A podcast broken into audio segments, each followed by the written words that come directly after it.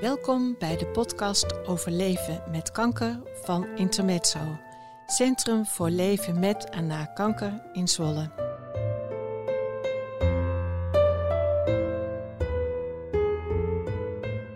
In onze podcast vertellen mensen wat kanker in hun leven betekent, professioneel of privé.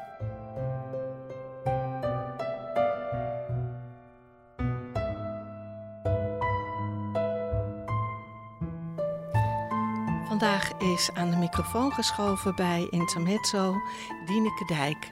Dieneke is al een langere tijd gast bij Intermezzo.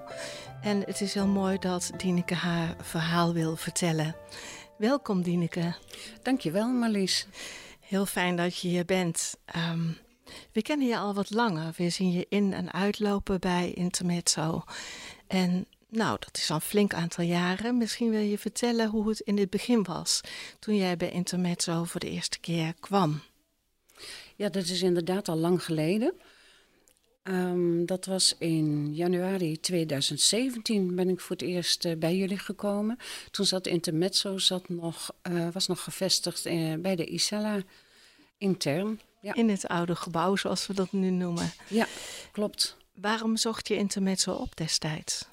Nou, ik in 2016 is bij mij eh, darmkanker ontdekt. En ehm, nou, in eerste instantie leek het heel erg mee te vallen. Maar in tweede instantie dus niet, want eh, na de hemicolectomie, dat is een darmoperatie, werd eh, geconstateerd dat het toch een gecompliceerde situatie was. En toen ben ik eh, doorverwezen naar het Sint-Antonius ziekenhuis in Nieuwegein. En daar heb ik een eh HIPEC-operatie gehad. Dus ik ben een hele lange tijd ziek geweest. En eh, ik had er wel gehoord van Intermezzo. Maar ik dacht eerst, ach, ja, dat is niks voor mij. Dus eh, ik, ik heb een lange tijd gewacht voordat ik naar jullie toe ging. Ja, En ik sprak op een gegeven moment iemand bij mij in het dorp, in Weijen. Ik weet niet of je had je dat net verteld? Dat nee, nog niet, maar je woont in Weijen. Ik woon in Weijen. En daar sprak ik iemand en eh, die had eh, ook kanker. En die zei, ga je ook naar Intermezzo? Ik zei, nee joh, dat is niks voor mij. Nou, toen vertelde ze dat zij er heel veel baat bij had. En toen ben ik overstag gegaan. Ik dacht, ik ga eens kijken. Ja. En toen eh, kwam je bij Intermezzo over de vloer. En wat heb je toen ervaren? Nou, ik eh, vond ook die oude situatie. Ik vond het meteen een warm bad. Ik voelde me heel welkom. En ik heb daar nog een cursus eh, stresshantering gedaan. Eh, mijn vooroordelen over eh, ja, intermezzo of over praten met kanker met andere mensen was dus al eh, behoorlijk verzwakt, zeg maar. En eh, ik dacht toen altijd nog, eh, dat kan een mooie brug zijn voor mij om terug te keren naar de maatschappij. Want daar ging ik dus nog steeds van uit dat ik dacht van, eh, ik kan nog wel terug naar mijn werk. Dat dacht je toen. Dat dacht ik toen. Ja. Ja, dus ik heb in de oude situatie heb ik nog de cursus stresshantering gedaan en terug naar je werk. Dat is een cursus die dan gegeven wordt door een bedrijfsarts. En, ehm, maar daar is het dus niet van gekomen. Nee. Nee. nee. Nee. Dat is eh, duidelijk, want het is anders verlopen dan eh, het aanvankelijk leek. Dat je zou genezen van darmkanker. Ja, Ehm, wanneer kreeg je in de gaten, hé, dat zou wel eens anders kunnen gaan dan beter worden? eigenlijk ook wel vrij snel. eh, toen ik doorgestuurd werd naar Sint-Antonius ziekenhuis. Eh, was daar, eh, mijn eerste contact had ik met een chirurg en eh, die was heel helder en duidelijk. En zo van, dit is een hele gecompliceerde situatie waarin u zit. En u heeft eh 50, 40 procent kans dat u dit nog binnen vijf, dat u dit nog gaat overleven. Maar 60 procent is al overleden binnen vijf jaar. Dus ehm, ja, de ernst en de impact die dat zou kunnen hebben, eh, was heel snel duidelijk. De arts was heel duidelijk. Ja, Ja. ja. Wat deed dat met je? Ja, wat deed dat met me? Nou ja, mijn uh, eerste optimisme vervloog. Hè, want ik heb een, een schoonzusje die ook vergelijkbare klachten had. En uh, die is, had ook een hemocolectomie, dus een operatie. En dan gaat het al 15 jaar goed mee. Dus ja, ik wist al wel dat die kans, uh, dat, dat dat er niet meer uh, zou zijn. Maar ik ben al heel snel wel overgestapt op um, in het moment te gaan leven. Zo van eerst deze hypic maar en dan zien we wel weer. Dus stap voor stap want ik kon het hele grote boodschap niet in één keer aan, nee. zeg maar. Nee. Dat is die uh, olifant die in de kamer staat en waarvan men zegt... die kan je niet in één keer opeten, dat moet in stukjes. Ja. Misschien een cynische vergelijking, maar je kan dat alleen maar in kleine stukjes uh, ja. aanvaarden. Ik had me dat niet uh, bewust gerealiseerd. Het was meer een, een, een, natuurlijke reactie. Stap, ja. stap voor stap. Ja. ja. Dat betekent een natuurlijke reactie dat je ook goed naar jezelf kunt luisteren daarin. Wat heb jij nodig? Hoe kun jij het doen? Ja, dat heb ik wel steeds beter ook uh, geleerd in deze periodes. Ja. ja. Wat had je daarvoor nodig om dat uh, te leren? Nou, ook ervaring. Ja, vooral ervaring. Mm -hmm. Dingen die niet goed gaan. Uh, waar ik dan heel veel verdriet van had, of, of, heel veel pijn, of heel veel. Dan denk ik, ja, dat moet anders. Hoe gaan we, dat, uh, hoe gaan we dit dan wel doen? Mm -hmm. Ja. En hoe heb je dat aangepakt? Nou, er is een situatie geweest dat ik dus uh, hulp heb gevraagd van een psycholoog. Ja. En dat was destijds in de Isala. Mm -hmm. Dus daar heb ik gesprekken mee gevoerd. Uh, er was uh, door de behandelingen vooral de, de, de fysieke, de fysieke pijn, de fysieke klachten, uh, de behandeling op zich, de infusen. Ik was op een gegeven moment heel erg bang voor de infusen. Um, dus ik kreeg behoorlijke angst voor de fysieke klachten, zeg maar. Ja. ja. En ja, daar moest ik mee leren omgaan. En ik ben best wel, ik kan wel voor mezelf opkomen, maar ik ben verbaasd geweest over mezelf. Hoe hard dat achteruit ging in zo'n uh, in zo'n situatie. Dat je ineens patiënt bent en op dat bankje van patiënt zit en het maar zelf uit moet zoeken, bedoel ik dat? Ja, dan ben je heel kwetsbaar. Tenminste, in mijn geval, mm -hmm. laat ik het zo zeggen. Ik, ik werd heel kwetsbaar. Dus uh, die Dieneke die, die dat wel allemaal aan kon hanteren of regelen, die, die, ja, die, lag, uh, die was verdwenen. Er lag een hele kwetsbare vrouw in bed. Zo. Ja. En heb je de Dieneke die het wel kan regelen, heb je die teruggevonden? Ja. Ja, die heb ik wel teruggevonden. Maar ik weet niet hoe het, hoe het straks gaat, als, als het weer slechter met me gaat. Ja. Um, even terug naar, je hebt daar teruggevonden. Uh, hoe heb je dat aangepakt? Ja, um, goede gesprek met mijn huisarts. Mm -hmm. Heeft ook heel erg geholpen. Op een gegeven moment was ik, um, ja, ik heb, maar dat is een later stadium, ging het zo slecht met mij dat ik, dat ik uh, dacht dat ik thuis aan de wastafel hing en dacht, dit gaat echt niet meer. Ik ga uh, Carinova, dat is een thuiszorgorganisatie, die ga ik gewoon bellen. Mm -hmm. Dus er kwam een soort overgave. Van dit kan ik echt niet alleen en dit, dit uh, kunnen mijn kinderen ook niet uh, oplossen. Dus dit, ik woon alleen. Mm -hmm. dus, en ik heb drie volwassen kinderen. Ja. En ja, gewoon hulp zoeken.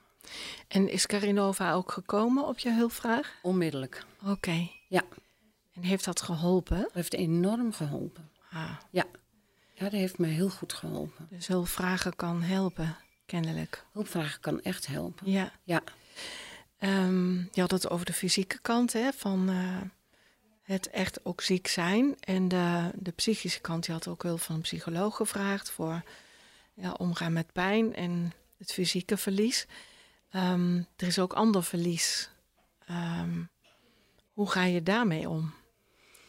En wat voor verlies bedoel je dan? Nou, bijvoorbeeld uh, verlies van je werk, want je bent gestopt met werken destijds.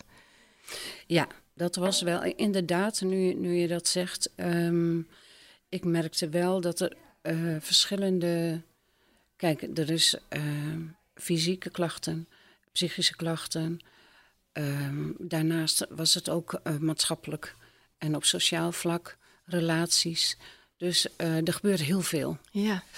En ik had uh, toch nog de hoop na de eerste HIPEC dat ik dus toch nog terug kon naar mijn werk. Mm -hmm. En um, even kijken, ik ben ook nog, ik zou gepensioneerd zijn in juni 2017. En toen ben ik in april toch nog weer begonnen om uh, te gaan werken. En ik wilde graag nog doorwerken naar mijn pensioen, maar dan wel minder uren. Mm -hmm. En uh, dat wilde, wilde men ook heel graag. Dus ik kreeg al een contract aangeboden om door te werken. En wat was jouw soort werk dat je deed? Ik was uh, ambulant hulpverlener. Oké. Okay. Ja.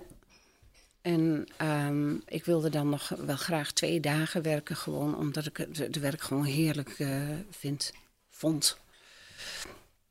En kort voordat ik het contract ging tekenen, was ik een weekend weer heel ziek. En toen dacht ik, oh, dit, dit gaat hem niet worden. Dit gaat hem niet worden. En toen uh, heb ik toch verteld dat ik, uh, dat ik het niet ging doen. Mm -hmm. En ja, dat, dat vond ik heel erg. Ja. En hoe reageerde jouw werkgever daarop? Die vond het heel jammer. Hmm. Ja, die vond het heel jammer. Want ik was binnen het team, uh, ik ben wat ouder, dus ik, ik was, en het was een redelijk jong team, dus ik had een bepaalde rol ook in zo'n team. Dus uh, ze wilde heel graag dat ik nog, uh, nog bleef. Ze vond het heel jammer, maar wel, wel begrip er ook voor. Ja. En ik dacht ook van, ik kreeg al steeds meer het besef, dit gaat echt. Ik weet niet hoe lang het gaat duren, maar dit gaat echt niet goed. Dus ik moet nu ook tijd hebben voor, voor mijn contacten, zeg maar, voor mijn kinderen en nou ja, voor alles verder om me heen. Ja. Het stuk leven, echt gaan leven, dat er nog voor je lag op dat moment. Ja, precies. Op alle manieren. En dan kon het werk, uh, als ik heel eerlijk ben, uh, paste daar gewoon ook niet in. Hoe graag ik het ook wilde. Ja, ja.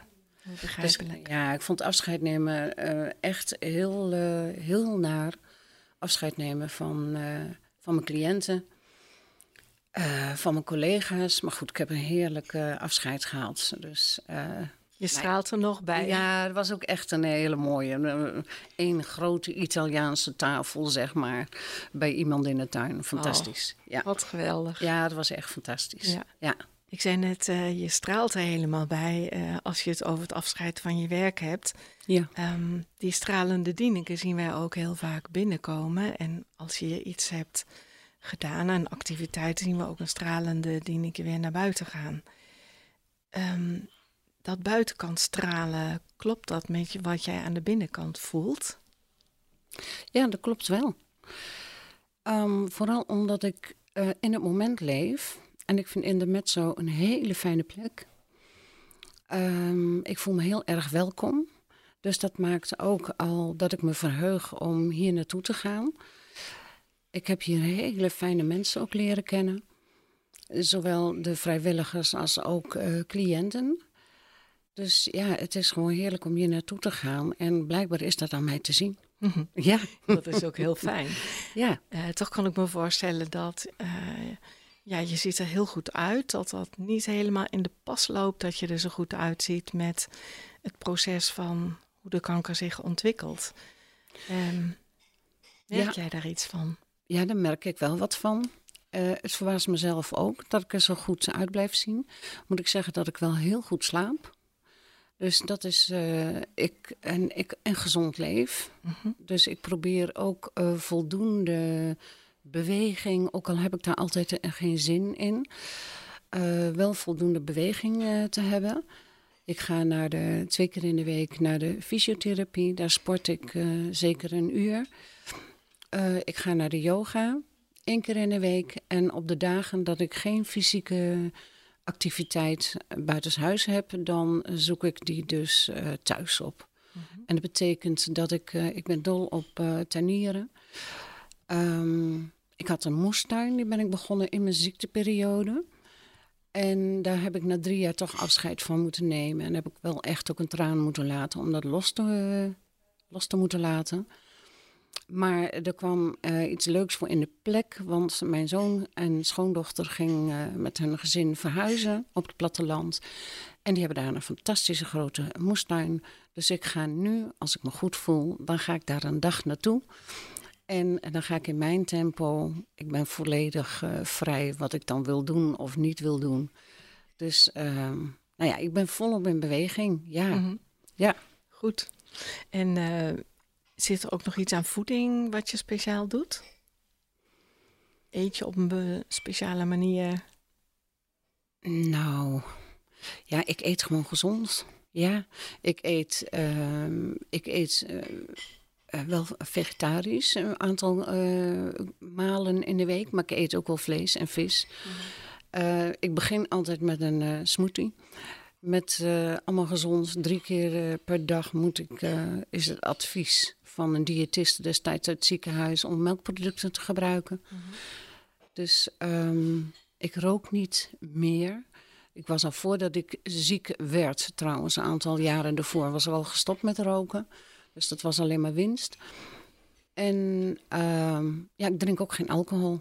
Toen ik stopte met roken, vond ik ook een glaasje wijn op een verjaardag niet meer lekker. Nou, dan Dus ja, leef je gezond en je zorgt goed voor je ja, fysieke conditie, eh, hoor ik hier uit. Ja. ja. Ehm, je had het net over ehm, je kinderen. Ehm, het is duidelijk dat eh, je niet meer beter gaat worden. Hoe is dat voor jou naast? Hoe is dat voor je kinderen? nou, in het begin was er eh, veel schrik, veel zorg. Ehm, maar gaandeweg, omdat het, ja, dat klinkt zo negatief, omdat het zo lang duurt. Mhm. Hè, we hadden al gedacht dat ik al veel eerder zou overlijden. En artsen eh, wellicht ook. Ehm, het duurt nu eh, zo lang. Het is ook een soort gewenning, zeg maar, dat ik er nog steeds ben. Mhm. Dus ehm, daar waar eerst eh, veel angst en verdriet was, is nu een beetje. Nou ja, ze is ziek, maar ze doet het goed. Dat is vaak wat ik ook hoor. Ja. Van, Goh, je doet het zo goed. ja. Ja. Hoe vind je dat om dat te horen? Ehm, nou ja, ik vind het eigenlijk ook wel fijn. Mhm. Ja, ik vind het eigenlijk ook wel fijn. Ja, lekker hè? Ja, Ja. ja. Eh, toch eh, verkeer jij in een soort wat tegenwoordig vaak genoemd wordt tussenland. Je hoort niet meer bij de mensen die beter worden. Eh, je bent nog niet in de allerlaatste fase, maar je zit er een beetje tussenin. Dat lijkt me een, een gek gevoel een beetje. Hoe is dat voor jou? Ja, dat is ook inderdaad. Ik kende het woord tussenland, kende ik niet. Eh, maar ik vind het een heel mooi woord, want eh, het verwoordt eigenlijk mijn gevoel waar ik nog geen naam aan had kunnen geven. Dus dat ik vind het mooi om te horen, tussenland. Ehm, in het begin van de eh, ziekte, dat ik wist, dit gaat echt niet goed komen. We weten niet hoe lang. Het kan een jaar, het kan, kan nog meerdere jaren. Eh, ben ik veel gaan opruimen. ehm, nou, alles gaan regelen. Alle praktische zaken van begrafenis. Van, eh, ik heb alles op papier staan. En dan vervolgens gebeurt het niet. Mm.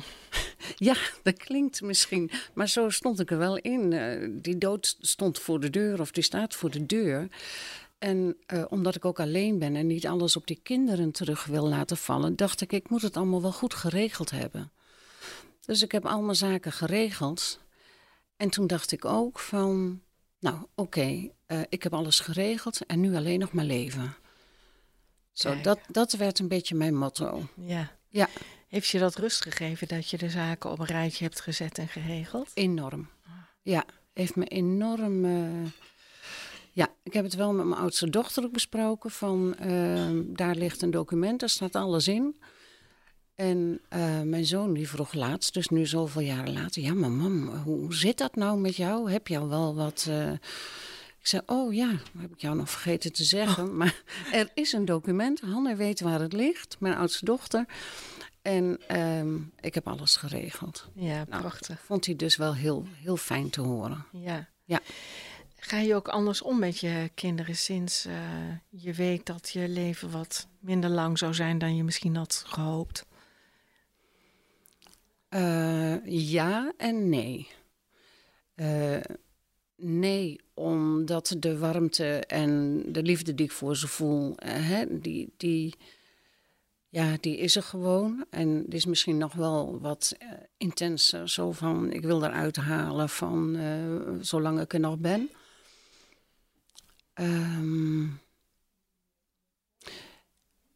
ja, ik ben het even kwijt. Nou, of je anders omgaat met je kinderen sinds je weet dat uh, je leven niet zo lang meer zal zijn. Ja, ik heb wel bewust uh, keuzes gemaakt om wat vaker voor hen te kiezen, omdat ik niet zoveel tijd meer heb. Ja. Hè, wat ik ook vertelde van, ik ga bij mijn zoon en schoondochter dus daar in de tuin werken. Of ehm, ja, ik denk wel dat het toch wel ja, we hebben niet zoveel tijd meer, dus ik wil er wel zoveel mogelijk bij zijn als ja, het kan. een beetje levenshaast.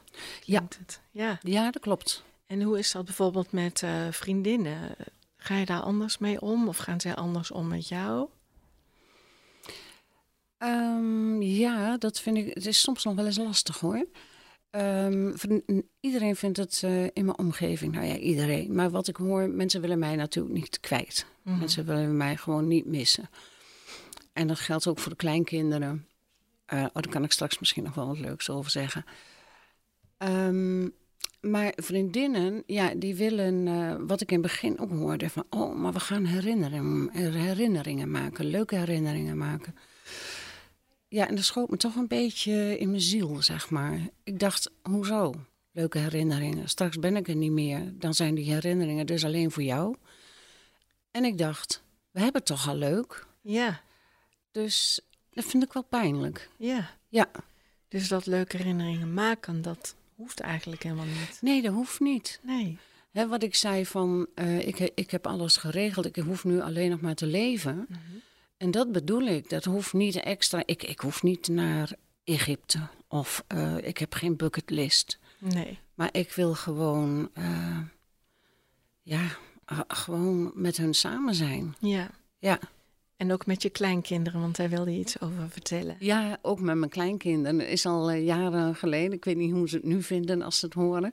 Maar in de beginsituatie uh, had mijn dochter wel gevraagd van... goh, maar als oma er straks niet meer is, hè, wat zou je van oma willen hebben? Of, en toen had Gijs met, was, die was toen acht, geloof ik, of zo. Die zei, ik wil een leuke ketting van oma. Ja, die ga ik niet omdoen, hoor. Dat kan natuurlijk niet als jongetje. maar uh, die wil ik gewoon... Oma heeft altijd van die leuke kettingen. Oh. En mijn oudste kleindochter, die zei... Die was iets van dertien of zo. Ik wil haar huisje. Oh. dat zegt iets over hoe gezellig het in jouw huis is. Ja, dus ze vindt een heel gezellig huisje. Dus ja. Uh, ja. Oh, wat ja. schattig. Ja. ja. Dat zijn op zich al prachtige herinneringen.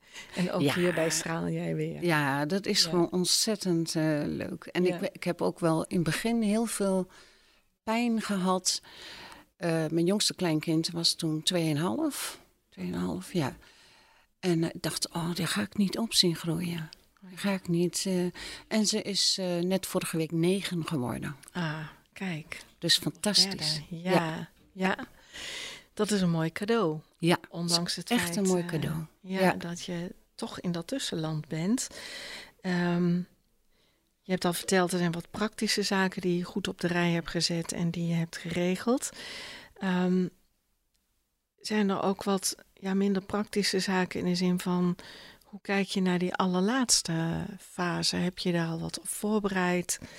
De fase dat het niet meer goed met je zal gaan en dat het einde wat naderbij komt. Ja, daar heb ik me wel op voorbereid. Eh, ook gesprekken gehad met de huisarts. Eh, in het kader van eh, wil je dan palliatieve sedatie als het zover is, of wil je euthanasie? Nou, ik vind het nogal uh, ethische vragen, dus Ja. daar ben ik wel eh, heel eh, druk mee geweest. Ehm, de arts heeft me uitgelegd van hoe dat allemaal in elkaar eh, zit hè, en welke keuzes eh, ik dan zou hebben. En ik heb met haar overlegd, ik moet het nog op papier zetten, dat ik dus toch eh, mijn voorkeur ga uitvoeren palliatieve sedatie. En, eh, maar ja, het, het kan wel zo gek worden dat ik zo'n gigantische pijn heb. Ja, dat, dat ik toch een mogelijkheid open wil houden. Ja. Ja.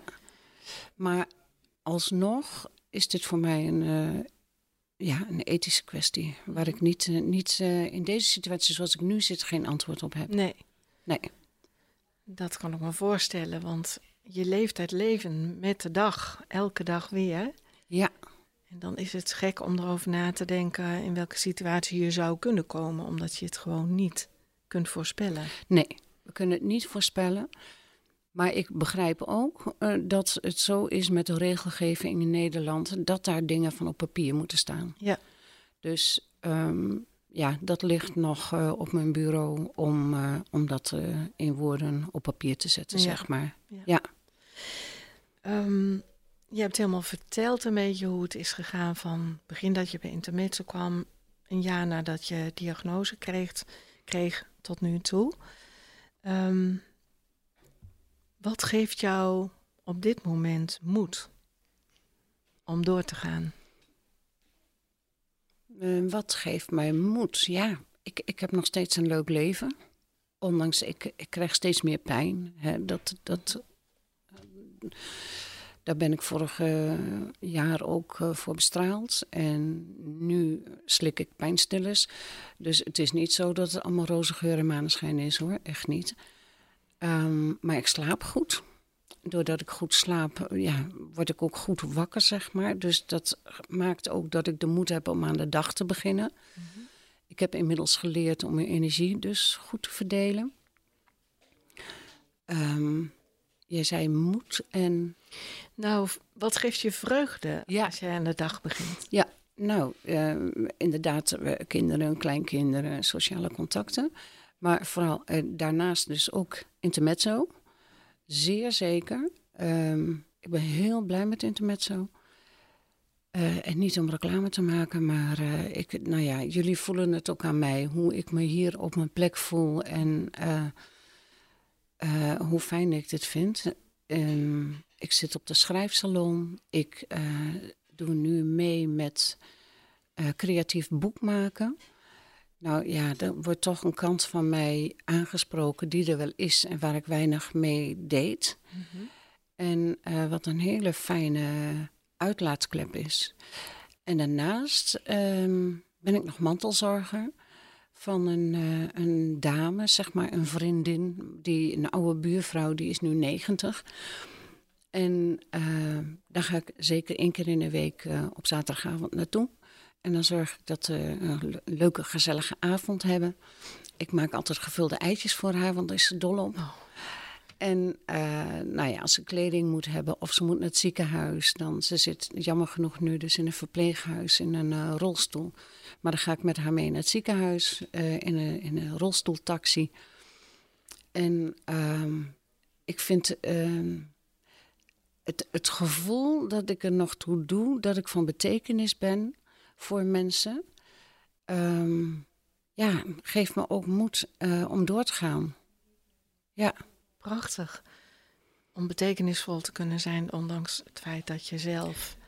Ja, ondanks dat ik zo ziek ben. Ja. ja. Kijk, en het is ook zo, um, ik heb kanker, maar ik ben het niet, hè. -hmm. Die, die Dieneke, die, die ook graag wil zorgen, die ook graag... Ja, die is er ook. Dus ik probeer binnen de mogelijkheden die ik heb, daar toch, uh, toch mee aan de slag te gaan. En daar haal ik mijn voldoening uit. Ja. ja. Dan voeg je waarde toe aan je eigen leven, maar ook nog aan het leven van uh, andere mensen, zoals uh, deze oude buurvrouw. Ja. Heel mooi. Ja. We hebben best veel besproken, ook best wel persoonlijke dingen. Misschien is er nog iets wat je zou willen toevoegen waarvan je denkt, nou, dat zou ik toch nog even willen zeggen. Ik, het kan op het moment schiet het me niet te binnen. Nee, we hebben ook best veel. Uh, we hebben al best aangehoord. veel. Uh, um... Terwijl Dieneke even leest uh, wat ze heeft opgeschreven, wil ik nog even van de gelegenheid gebruik maken om te vertellen dat de zeven bronnen van levensvreugde, die Dieneke in de vorm van een cursus heeft gevolgd, er tegenwoordig in een nieuwe vorm is een training, zeven bronnen van levensvreugde. Niet alleen voor mensen die zelf kanker hebben, maar ook speciaal voor de naasten. ofwel mantelzorgers. En ook speciaal voor koppels waarvan een van twee kanker heeft. Om te kijken wat maakt het leven de moeite waard.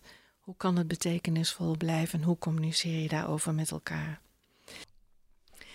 Dieneke, je bent uh, alleenwonend en toch heb jij een huisgenoot.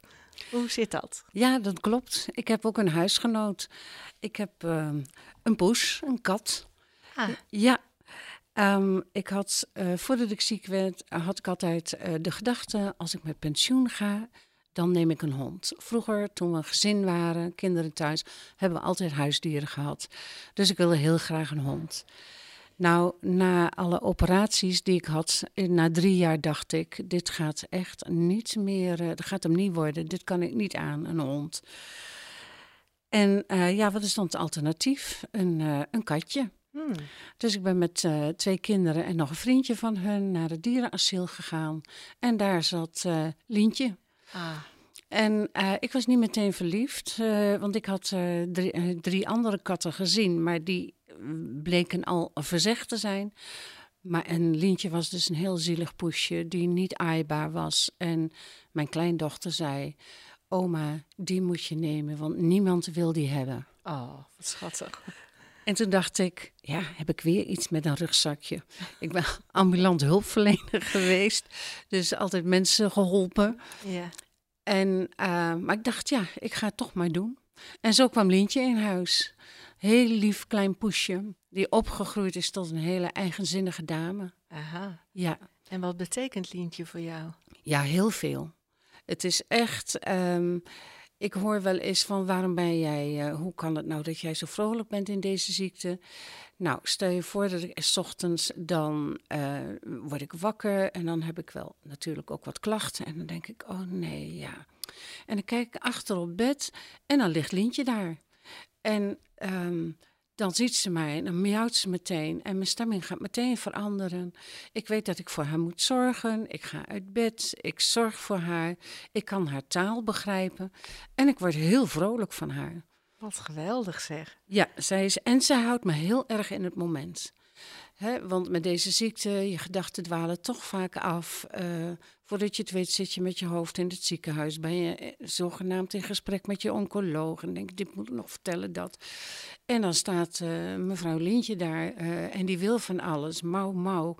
En ja, daarin. En denk ik, oh ja, ik ben hier in het moment.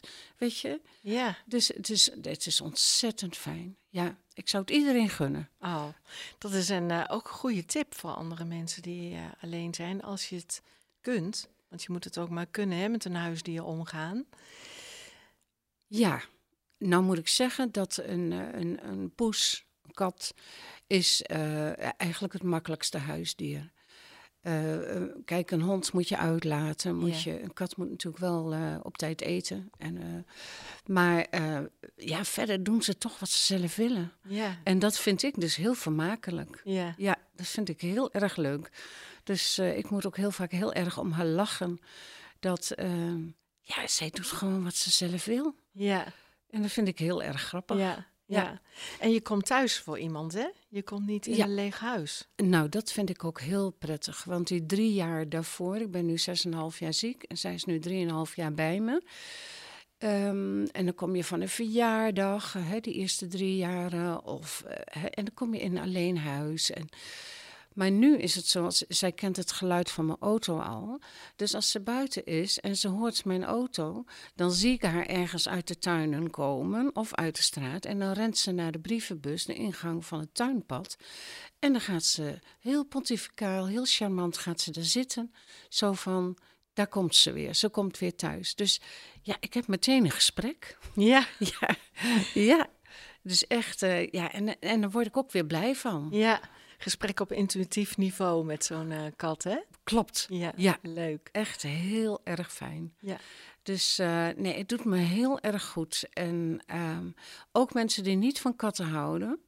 Uh, ik ken iemand die, die niet van katten hield. En er kwam een kat aanlopen. En die he, he, hebben ze toch in huis genomen. Nou, en ze zeggen, ik had niet gedacht dat het zo leuk kan zijn. Ja, en troostrijk ook, hè? Zo'n uh, zo'n warme kat. Ja, Maar er zit wel een maar aan. Ja, als ik, eh, onlangs was ik behoorlijk ziek met braken en zo. Nou, dan moet ze echt niks van me hebben. Dan verdwijnt ze. En eh, of ze gaat onder het bed zitten of ze gaat beneden zitten. Zo, zo van, eh, daar wil ik niks mee van doen hebben. Hmm. En als het dan weer goed gaat, dan komt ze achter op het bed liggen.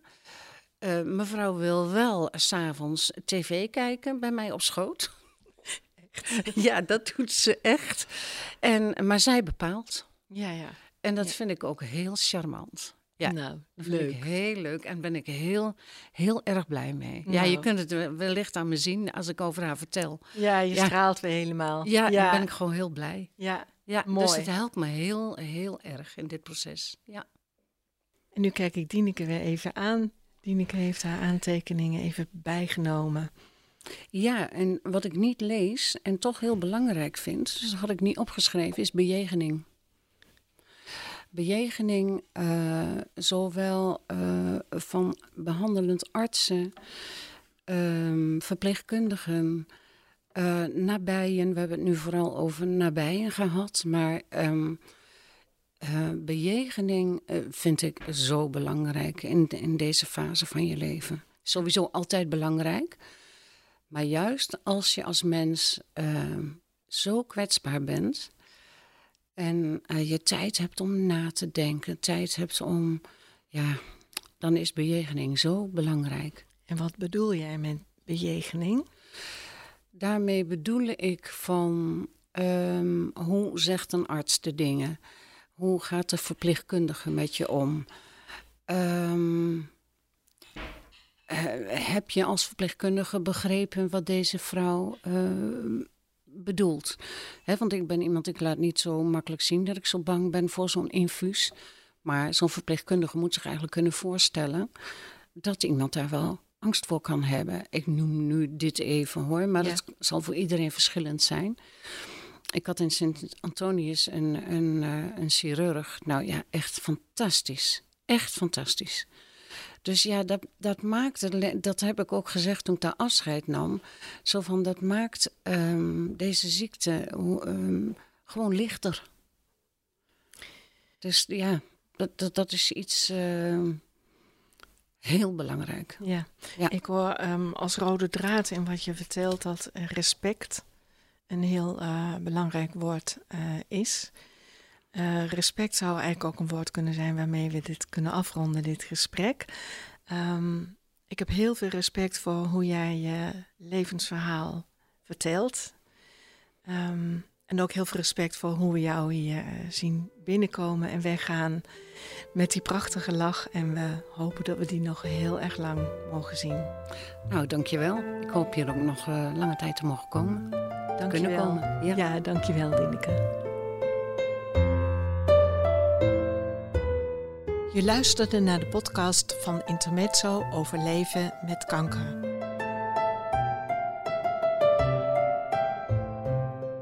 Wil je meer weten? Kijk op onze website www.intermezzo-zwolle.nl. Elke maand is er een nieuwe podcast. We bedanken iedereen die heeft meegewerkt aan de totstandkoming van al onze podcasts.